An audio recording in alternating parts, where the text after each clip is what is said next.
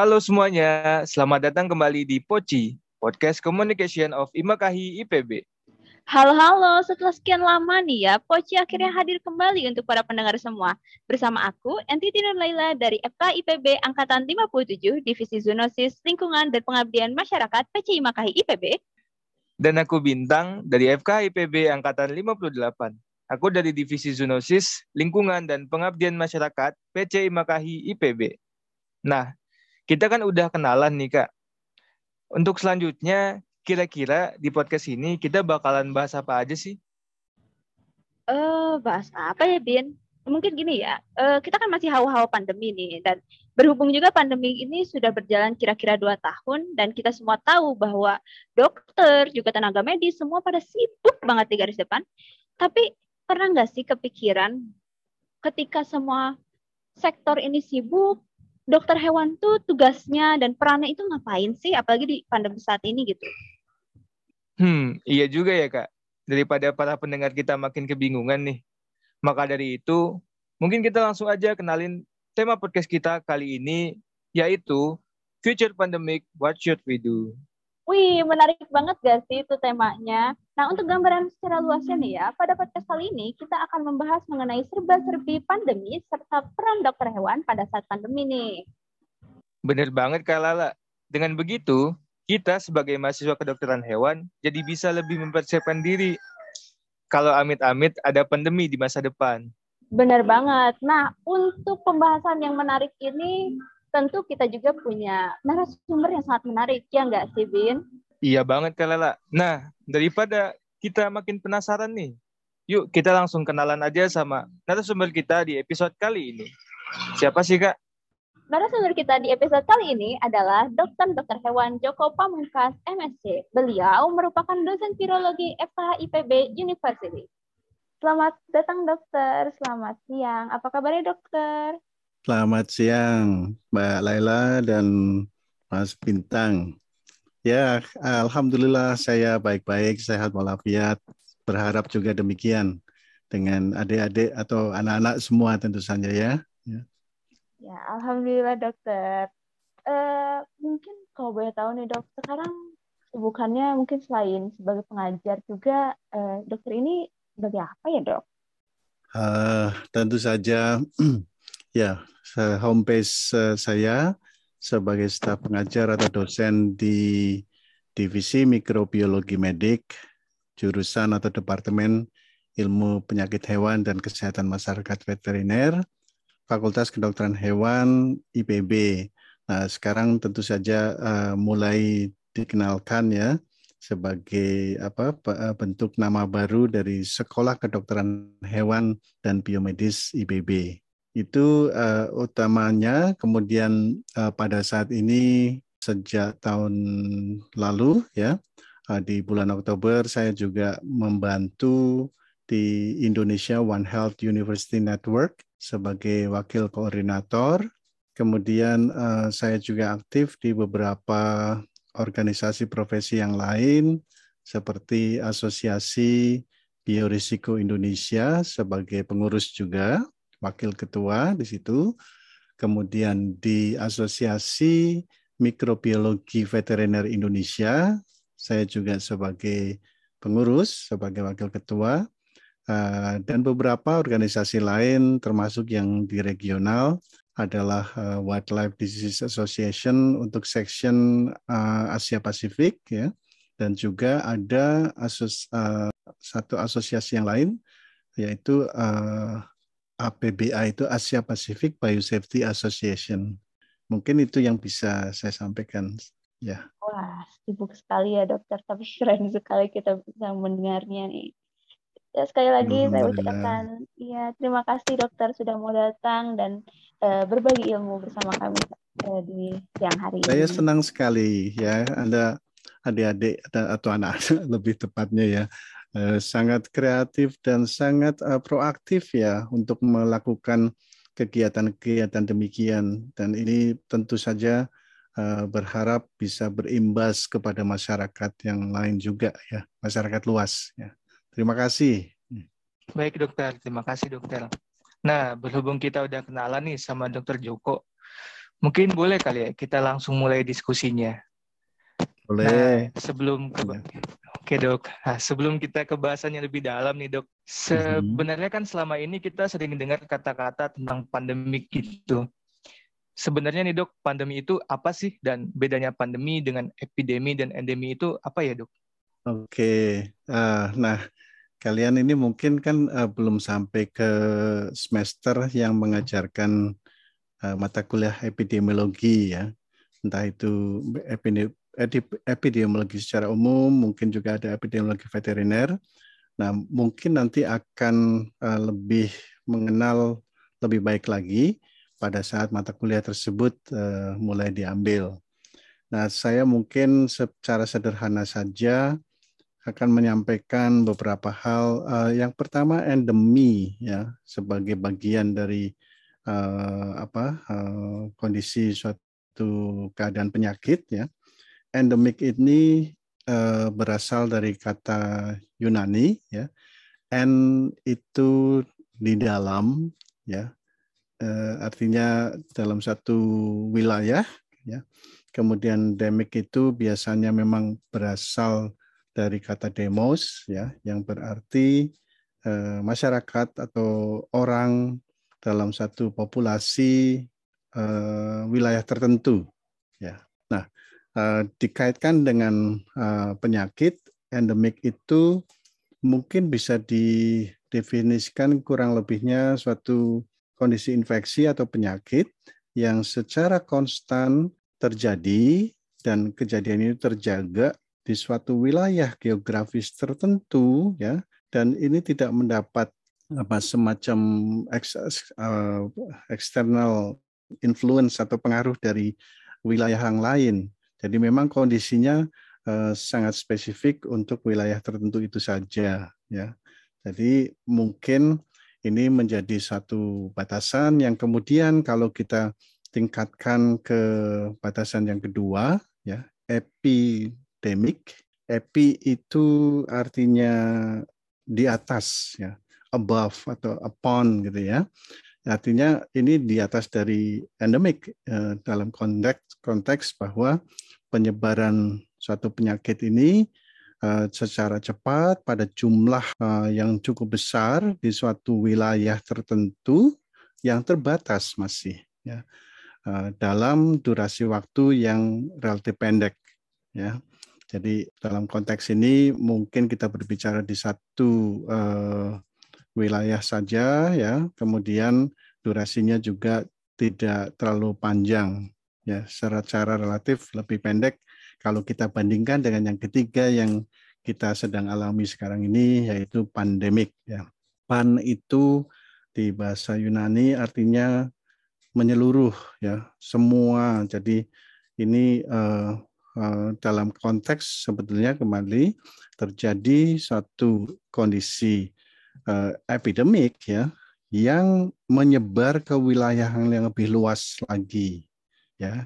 Jadi tidak hanya di suatu regio tertentu tapi lebih luas dan ini bisa uh, multi uh, ya secara internasional ya batas-batas internasional terlewati sampai bahkan mencakup seluruh dunia ya dan jumlahnya juga luar biasa.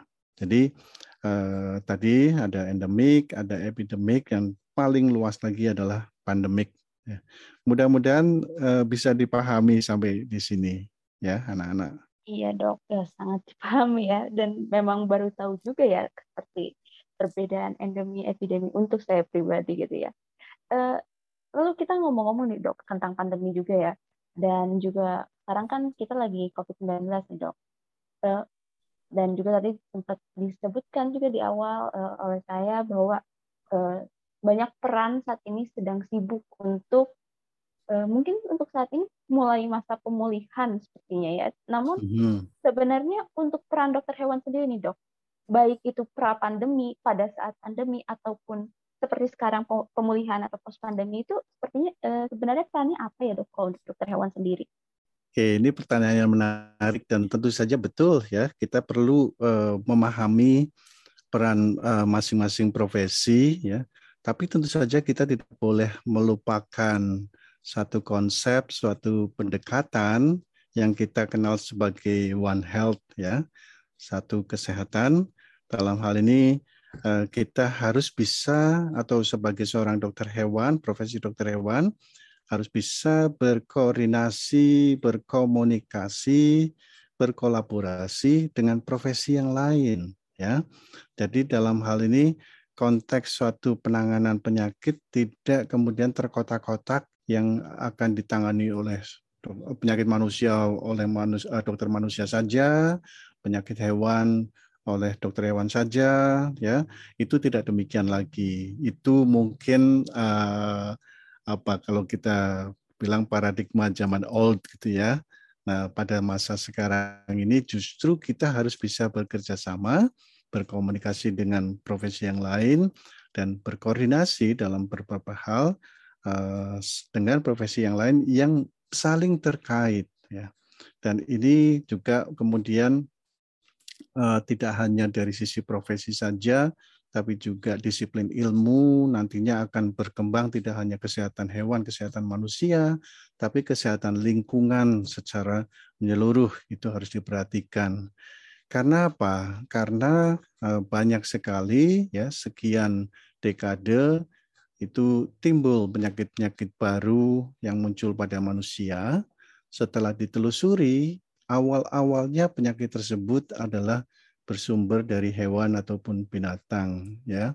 Nah, ini yang kemudian menjadi satu uh, apa strategi pendekatan tidak bisa ya hanya oleh dokter manusia, tidak bisa hanya dokter hewan, tapi kita harus berkoordinasi di semua aspek, termasuk antar wilayah tadi ya, atau dalam konteks pemerintah mungkin sektor-sektor pemerintah ini juga harus saling bekerja sama. Kementerian Kesehatan harus bekerja sama dengan Kementerian uh, Pertanian ya untuk dua hal uh, terkait penyakit manusia dan penyakit hewan. Kemudian karena juga ada faktor lingkungan, tentu kita juga harus memberikan peran atau bobot yang juga tidak kalah penting untuk Kementerian Lingkungan Hidup dan Kehutanan misalnya ya. Dan uh, karena juga ini menyangkut mungkin geografis dan kegiatan-kegiatan yang lain, tidak hanya tiga kementerian ini saja yang kemudian harus terlibat, tapi juga ada Kementerian Dalam Negeri untuk aturan-aturan uh, apa kerjasama antar wilayah misalnya ya, atau mungkin dengan Kementerian uh, Pariwisata dan sebagainya yang mengatur uh, juga tentang lingkungan dan semuanya itu harus uh, bekerja sama.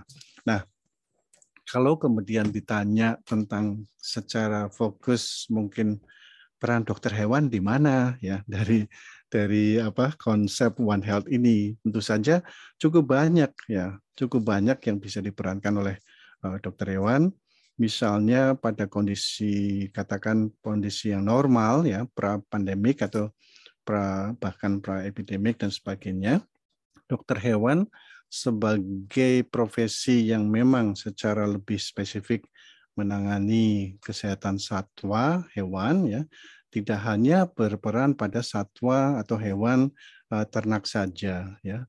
Mungkin juga perlu diperhatikan kesehatan satwa liar dan tadi saya sampaikan sebagian besar uh, mungkin sampai 75% ya penyakit infeksi emerging yang baru muncul pada manusia itu bersumber dari hewan. Nah, setelah ditelusuri lebih lanjut lagi ya dari yang zoonotik tadi itu sekitar 60% diperankan awalnya oleh satwa liar sebagai reservoir. Oke. Jadi ini menjadikan penting bahwa sebetulnya seorang dokter hewan, profesor dokter hewan bisa berperan dari hulu ya. Dari saat penyakit itu sebetulnya belum ke manusia, belum ke intermediate host yang akan menginfeksi manusia. Ada beberapa penyakit yang bisa ditularkan siap ditularkan secara langsung dari uh, reservoir ya. Jadi misalnya penyakit oleh virus tertentu ya pada uh, apa uh, pada reservoir tersebut virus tersebut juga sudah siap sebetulnya untuk menginfeksi manusia. Tapi ada virus-virus yang lain ya yang kemudian tidak kondisinya siap menginfeksi manusia dan dia perlu pindah dulu ke intermediate host ya ini yang disebut sebagai salah satu apa uh, kejadian spillover ya. Berpindahnya satu uh, patogen dari spesies satu ke spesies yang lain ya. Dan kemudian uh, setelah ketemu intermediate host tersebut terjadi mutasi baru bisa menginfeksi manusia ya. Ini cukup banyak kalau kita mau melihat peran dokter hewan pada saat awal di hulu sebelum penyakit itu ke manusia. Contohnya apa melakukan surveillance ya surveillance virus-virus atau mungkin patogen yang lain ya yang ada di satwa liar ya. Nah, dari situ mungkin akan ada data-data ya, ketemu virus-virus yang kemudian bisa diidentifikasi misalnya wah ini uh, virus ini memiliki potensi bahaya nih untuk manusia ya. Wah, ketemu virus ini baru wah ini uh, memiliki potensi bahaya untuk hewan ternak. Nah, demikian itu bisa diperankan salah satunya oleh dokter hewan. Tapi sekali lagi tidak hanya uh, bekerja sendirian, ini harus bekerja uh, bersama-sama tadi ya, bekerja bersama dan bekerja sama. Ya. Nah, kalau pada masa pandemik, ya tentu saja kita juga diharapkan bisa berperan dokter hewan misalnya menjaga atau mengetahui sebetulnya faktor-faktor apa sih tadi yang eh, kemudian menjadi pemicu untuk melompatnya eh, virus itu dari spesies hewan tertentu ke manusia. Kalau sudah ketahuan misalnya intermediate hostnya itu ya, host perantara atau inang perantara itu apa, nah itu juga menjadi satu kewajiban dari kita untuk mensosialisasikan, jangan sampai masyarakat yang tidak tahu itu akan terus melakukan interaksi eh, dengan hewan-hewan yang bisa berperan sebagai inang perantara ya. Entah itu menangkap untuk dikonsumsi atau menangkap untuk dipelihara dan untuk tujuan-tujuan lain yang pada intinya sebetulnya itu di luar uh, apa uh, kondisi normal bahwa satwa liar ya sebaiknya harus di kondisi yang liar ya tetap di habitatnya jangan diganggu jangan di uh, apa uh, dekatkan sehingga kita memungkinkan semakin mendekat dengan mereka dan ada potensi penularan dari mereka ke manusia ya. Kemudian pada post endemik uh, post pandemic ya kita sebaiknya juga tetap menjaga uh, surveillance ya satu pemetaan data keberadaan virus-virus tertentu yang mungkin suatu ketika berpotensi untuk menjadi kondisi uh, epidemik maupun pandemik di masa depan ya Kurang lebih demikian ya kalau saya jelaskan peran dari profesi dokter hewan di pra, selama maupun post pandemik. Mudah-mudahan bisa mengcover dari yang ditanyakan oleh sahabat tadi Bintang atau Lela ya. Iya dokter, sangat mengcover ya. Iya dokter, sangat Oke dokter, uh, dan buat teman-teman pendengar koji semuanya, seperti yang kata dokter Joko bilang tadi, ternyata dokter hewan tuh sama pentingnya dengan dokter manusia dan tenaga medis lainnya. Gitu. Jadi buat teman-teman semua yang berencana buat jadi dokter hewan atau sekarang sedang menempuh pendidikan dokter hewan, jangan takut kerjaan dokter hewan itu gabut. Seperti yang kata dokter Joko bilang tadi bahwa kita juga ikut serta dalam kegiatan dalam menerapin yang namanya One Health. Gitu.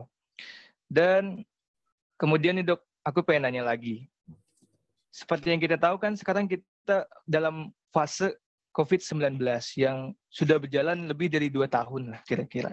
Mm-hmm. Menurut dokter, kemungkinan bakalan terjadi lagi pandemi seglobal dan semasif pandemi COVID-19 itu ada nggak sih? Dan seberapa besar kemungkinan pandemi itu ada lagi?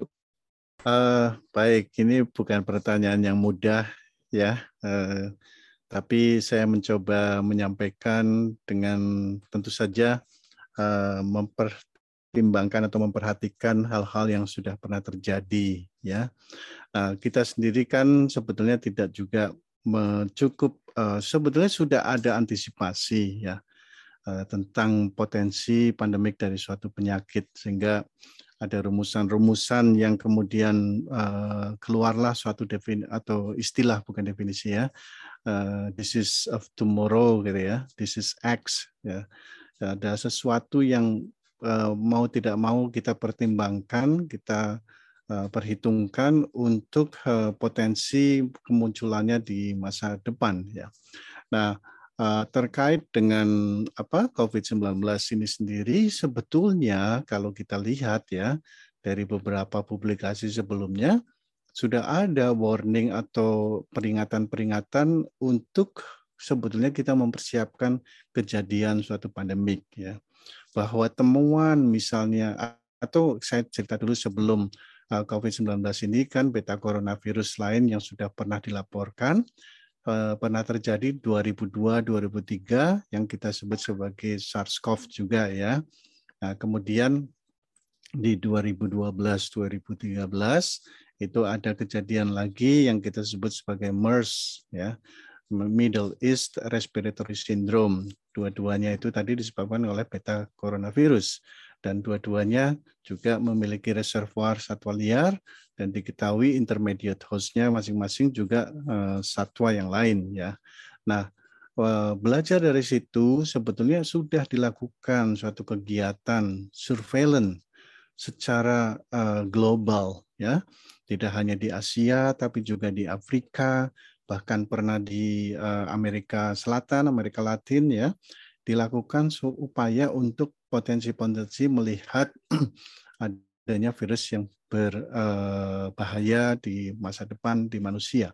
2013 sudah dilaporkan tentang temuan uh, virus ya uh, beta coronavirus juga pada kelelawar ya yang kemudian memiliki spesifisitas reseptornya itu dengan yang ada di manusia ya. Tidak hanya sampai 2013, 2017 dilaporkan lagi, 2019 dilaporkan lagi. Nah, uh, tentu saja memang tidak kemudian uh, warning itu mungkin sampai uh, ketangkap oleh pihak-pihak otoritas ya yang kemudian mempertimbangkan ini sebagai suatu ancaman. Ya. Nah, pada saat kemudian diketahui bahwa COVID mulai merebak di akhir awalnya di akhir 2019, kemudian mulai meluas di 2020 ya, ini diketahuilah uh, interaksi yang sebetulnya uh, berpotensi hal ini uh, bisa disebabkan karena adanya uh, apa interaksi manusia dengan satwa ya. Nah, tentu saja ini tidak sampai atau tidak berhenti di sini. Kita tidak boleh menganulir atau mengeliminasi ya, potensi-potensi kemungkinan terjadinya penyakit lain yang bisa menjadi pandemik ya.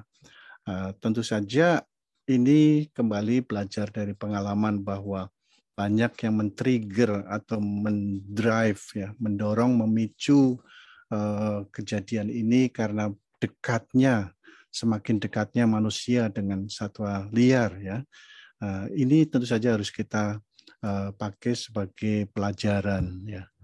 Ada mungkin penyakit lain yang pada saat ini juga kita ketahui bahkan lebih siap untuk menginfeksi manusia Eh, yang sudah bisa diisolasi di satwa liar kelelawar. Ya. Kalau beta coronavirus tadi saya sampaikan, dia perlu adanya suatu evolusi perubahan uh, dari satwa kelelawar ini ya Ancestor virusnya atau virus moyangnya itu tidak siap menginfeksi manusia tapi harus ketemu intermediate hostnya dulu. Hmm. Nah, tapi untuk misalnya virus Nipah ya itu dari keluarga Paramyxoviridae ya dari uh, genus Henipavirus. Uh, virus ini pada kelelawar kondisinya juga siap menginfeksi manusia dengan misalnya uh, interaksi yang berupa katakan manusia mengkonsumsi bekas gigitan buah yang digigit oleh kelelawar yang membawa virus tersebut. Nah, itu bisa menginfeksi manusia siap ya. Atau mungkin uh, di beberapa daerah kita tahu banyak masyarakat yang menampung cairan dari beberapa uh, pohon ya untuk dikonsumsi nira seperti nira itu ya itu tidak hanya di Indonesia tapi juga di Bangladesh dan sebagainya terbukti bahwa virus uh, nipah yang di diekskresikan atau dikeluarkan melalui urin ya dari kelelawar dan kemudian masyarakat itu meminum cairan tersebut tanpa dimasak ya itu menyebabkan uh, penyakit. Nah, ini tentu saja bisa lebih berbahaya kalau kemudian kondisinya akan uh, menjadi meluas. Kemudian diketahui juga uh, dari tingkat kematian atau mortality rate yang sudah dilaporkan di Malaysia tahun 98, kemudian di Bangladesh dan India itu mulai dari tahun 2001 sampai sekarang masih kadang-kadang sporadis muncul ya. Tingkat kematiannya itu lebih tinggi dibandingkan COVID-19 ya. Jadi ini menjadi salah satu uh, kehati-hatian yang perlu kita jaga untuk tidak kemudian berinteraksi dengan satwa liar terutama kelelawar yang kita ketahui sebagai reservoir atau sebagai natural host dari virus tersebut ya. Ini uh, sebagai apa mungkin jawabannya terlalu melebar tapi paling tidak ini menjadi suatu pengetahuan wawasan kita bersama jangan berhenti seolah-olah ini adalah pandemik yang terakhir ya. Bisa saja terjadi untuk penyakit yang lain. Kurang lebih demikian, Bintang. Uh, begitu ya dok. Mungkin maaf ya dok, uh, aku agak penasaran nih ya, terutama setelah di uh, diberitahu tadi mengenai kemungkinan pandemi lain. Uh, apakah itu berarti untuk pandemi sendiri nih dok, uh, dan epidemi dan endemi itu, apakah ada pola-pola tersendiri gitu dok, gejala-gejala sebelumnya sebelum terjadi pandemi yang bisa kita pelajari untuk mengetahui bahwa oh iya ini tuh uh, sepertinya akan pandemi nih. Seperti itu atau bagaimana ya dok pola-pola ini tuh ada nggak sih dan bisa kita pelajari nggak sih dok pola-pola ya. ini?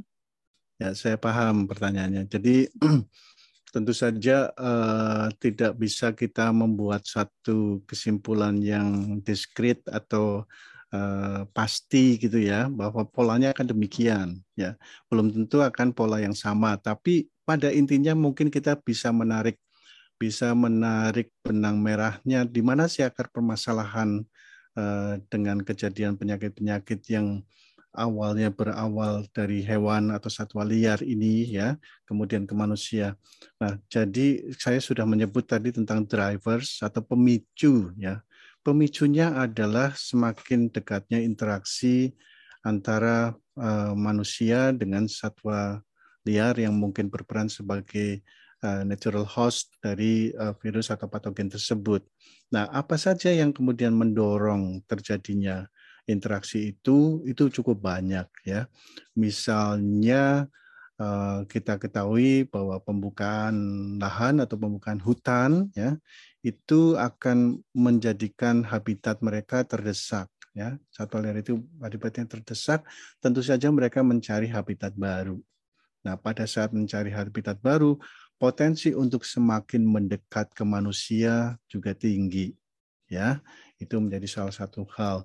Pada kondisi-kondisi yang mungkin stressful, itu shedding atau keluarnya virus itu akan menjadi lebih banyak dari kelelawar tersebut ya sehingga ini menjadi satu hal yang bisa kita anggap sebagai pola atau pattern untuk kita hindari ya kemudian hal yang lain eh, kebiasaan manusia juga sebagian masyarakat saya tidak akan mendiskreditkan kelompok tertentu ya. Eh, ada yang memiliki kebiasaan memakan daging satwa liar ya. Mungkin mungkin bagi yang mengkonsumsi daging tersebut aman-aman saja karena eh, sebagian besar dimasak dengan kondisi yang sudah matang luar biasa ya. Virus menjadi inaktif atau patogen lain menjadi tidak bisa menginfeksi ya tapi ada kelompok-kelompok yang memiliki risiko tinggi yang menyediakan itu sampai ke pasar tentu saja harus ada pemburu ya. Pemburu juga tidak bisa langsung eh, apa kadang-kadang mengirimkan langsung eh, hasil buruannya itu. Dia harus menampung sementara di suatu lokasi di desa ya. Nah, di desa itu kan tidak hanya pemburu yang tinggal, masyarakat tetangganya, anak-anak kan senang ya lihat sesuatu yang uh, aneh gitu ya. Ada wah ada kelelawar. Mereka senang mendekat. Mereka akan mencoba mungkin memegang atau mencoba memberi makan dan sebagainya yang potensinya adalah interaksi ini akan semakin tinggi ya. Atau mungkin yang menyiapkan di restoran ya yang mem memotong ya mem uh, sebagai seorang butcher misalnya ya. Dia akan memotong kemudian akan mencacah dan sebagainya dan potensinya dia berekspos atau terkontaminasi oleh darah oleh cairan uh, lendir dan sebagainya ya nah hal-hal demikian uh, apa namanya sangat berpotensi untuk kemudian kita hindari Sekali lagi, eh, satu tadi mungkin pembukaan lahan hutan, kemudian yang kedua adalah tingkah laku manusia sendiri, perilakunya ya. Nah, tingkat eh, yang lain yang juga mendekatkan interaksi satwa liar ini dengan manusia, misalnya populasi manusia itu sendiri yang semakin tinggi ya. Populasi yang semakin tinggi, tentu saja kompetisi untuk mendapatkan tempat kompetisi untuk mendapatkan pangan itu semakin tinggi juga. Nah, dengan kompetisi eh, apa tempat pemukiman itu semakin susah, mungkin orang akan membangun rumah semakin ke hutan dan sebagainya ya. Kemudian dengan sulitnya eh, pemenuhan protein, kebutuhan protein hewani misalnya, ada orang-orang yang mencari alternatifnya dari satwa liar misalnya. Ya, jadi pola-pola demikian sebetulnya sudah eh, terekam ya maka mungkin saya juga berpesan nih kepada Anda semua yang sebagai calon dokter hewan ya. Anda ini kan sekarang mahasiswa kedokteran hewan, tapi nanti akan menjadi dokter hewan, harus memahami hal-hal yang demikian. Dan jadilah agent of change salah satunya ya untuk bisa memberikan advokasi ke masyarakat hal-hal yang mungkin uh, akan berpotensi untuk mendekatkan interaksi manusia ke satwa liar, sebaiknya hal itu Anda sampaikan ya supaya mereka paham oh tidak jangan begini jangan begitu dengan tujuan untuk uh, tidak terjadinya penularan penyakit dari satwa liar itu ke manusia ya mudah-mudahan terjawab ya oke baik dok terima kasih buat jawabannya dan hmm. sepertinya kita sebagai calon dokter hewan udah mulai punya gambaran nih nanti di masa yang akan datang kita harus bagaimana dan apa harus kita persiapkan. Nah, kemudian hmm. kemudian nih dok, tadi kan kita sudah banyak membahas tentang apa yang perlu dipersiapkan oleh dokter hewan. Nah, kalau dari dokter sendiri ada nggak saran terkhususnya untuk para masyarakat umum agar mereka juga bisa ikut berkontribusi dan uh, ikut uh, ikut sertalah dalam mencegah dan hmm. mengantisipasi terjadinya pandemi lagi di kemudian hari. Ya, ya, ya bagus sekali nih. Artinya uh, sebagai calon dokter hewan, sebagai mahasiswa kedokteran hewan, Anda juga berpikir tentang bagaimana masyarakat harus berperan ya masyarakat harus kita edukasi tentang mungkin kemungkinan potensi-potensi bahwa satwa liar tertentu tidak semua ya artinya satwa liar itu juga kan banyak sekali tidak semuanya uh, sebagai apa reservoir tapi ada satwa liar tertentu yang bisa berperan sebagai uh, penular untuk kejadian penyakitnya ke manusia. Nah, dengan memberikan edukasi itu sekaligus juga memberikan satu advokasi ya bahwa kita ketahui ada satwa-satwa tertentu yang memang bisa menularkan penyakit tidak berarti mereka harus dimusnahkan ya. Kita ingat bahwa ekosistem itu uh, perlu suatu keseimbangan bahwa ada manusia ada hewan hewan itu ada satwa liar juga ada tumbuhan dan semuanya ya. Itu semuanya berinteraksi pada kondisi yang memang kodratnya Eh, baik-baik kalau kemudian masing-masing memerankan atau memposisikan eh, pada peran yang proporsional ya. Eh, misalnya demikian kita tahu bahwa satwa liar itu bisa berpotensi menularkan ya jangan kita mendekat jangan kita kemudian melakukan kegiatan yang memungkinkan interaksi semakin dekat ya. Tapi biarkanlah mereka ya di habitatnya uh, supaya bisa hidup tanpa mendekat ke kita silakan atau biarkan mereka bisa lestari, bisa hidup dengan damai di habitatnya. Jangan kita ganggu habitatnya, ya. Jangan kita biasakan juga mengkonsumsi yang mungkin secara nalar ya, bukan sesuatu yang wajar dikonsumsi, ya. Kita kan sudah ada hewan ternak yang memang dipersiapkan untuk eh, konsumsi protein hewani ya ya itu mungkin yang harus kita eh, berikan eh, pengetahuan kepada masyarakat. Kita sebagai manusia yang memiliki nalar, pikir, dan rasa, ya perasaan, hati, eh, kitalah yang harus bijaksana. Ya, kita tidak mengganggu mereka, mereka tidak akan mengganggu kita. Ya, jadi mungkin pesan ini sangat umum ya, tapi nanti anda sebagai apa eh, seorang mahasiswa kedokteran hewan nanti akan melakukan kuliah kerja lapang, kuliah kerja nyata di suatu desa dan sebagainya, bisa menyampaikan pesan-pesan yang demikian kepada masyarakat. Kurang lebih demikian Bintang, Laila, dari saya. Eh, mudah-mudahan mengcover apa yang ingin diketahui. Over, saya kembalikan lagi. Ya, terima kasih banyak atas jawaban-jawabannya dokter. Nah, seperti yang sudah didengar, seperti yang tadi dokter sudah bilang ya, berarti kita harus bersiap dengan e, baik karena ya kita tidak tahu apa yang akan terjadi di masa depan. Semangat untuk para calon dokter hewan juga kepada semua pendengar. Semangat untuk kita semua dan semoga kita bisa terus uh, ikut berpartisipasi di kemudian hari untuk uh, mencegah juga untuk uh, mengantisipasi bahaya-bahaya yang mungkin akan datang.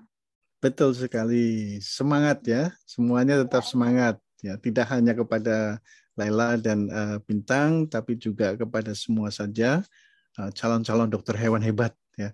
Tunjukkan bahwa melalui profesi Anda anda bisa berperan untuk masyarakat luas, tidak hanya untuk kesehatan hewan, tapi juga pastinya untuk kesejahteraan manusia dan juga kelestarian bumi kita. Ya, ya, demikian. Ya, tentu saja benar sekali dokter. Nah, nggak kerasa ya kita sekarang tadi sudah banyak banget bahas tentang pandemi, juga tentang uh, peran dokter hewan bersama dokter Joko. Semoga apa yang tadi kita bahas sudah bisa mengobati rasa penasaran dari teman-teman, juga dari para calon dokter hewan hebat ini ya, dan tentunya bisa menambah ilmu serta pengetahuan para pendengar semua. Amin. Amin, amin. Iya, benar banget nih Kak Lela. Kalau dari aku, hal yang bisa kita rangkum dari podcast kali ini adalah kita bisa tahu nih perbedaan dari istilah pandemi, endemi, dan epidemi. Serta kita juga bisa mulai punya gambaran tentang seberapa penting peran dokter hewan selama pra, during, dan post pandemi. Benar nggak nih Kak Lela? Benar banget. Ternyata banyak banget ya peran yang bisa kita lakukan gitu ya. Dan bukan hanya itu, tadi juga kita sempat mendengar seperti uh, bahwa ya pandemi itu ada masih ada kemungkinannya dan oleh karena itu kita harus selalu bersiap. Begitu enggak sih, Bin? Iya, benar banget nih, Kak. Dan ternyata banyak banget ya pengetahuan yang bisa kita dapat hari ini bersama Dr. Joko. Intinya terima kasih banyak buat Dr. Joko yang udah bersedia sharing dengan kami. Sama-sama, terima kasih juga ya. uh, apa kesempatannya untuk bisa sharing ya. Ya, terima kasih iya, banyak dokter. Terima kasih. Tetap semangat untuk share ya, menyampaikan informasi penting dan positif kepada masyarakat. Ya. Ya, terima kasih dokter. Semangat. Kita selalu semangat, dokter. Saya akhiri semangat, dari saya. Semangat. Assalamualaikum warahmatullahi wabarakatuh. Waalaikumsalam warahmatullahi wabarakatuh. Waalaikumsalam warahmatullahi wabarakatuh. Terima kasih banyak, dokter. Terima kasih.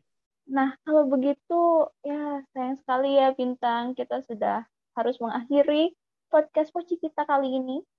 Sekali lagi terima kasih Dokter Joko atas sharingnya serta pengetahuannya yang sudah dibagikan kepada para pendengar Poci. Juga terima kasih kepada para pendengar yang selalu setia untuk mendengarkan Poci sampai titik ini. Aku Bintang. Dan aku Laila. Kami pamit undur diri dan sampai ketemu di kesempatan selanjutnya. Sampai jumpa. Bye bye. Bye bye.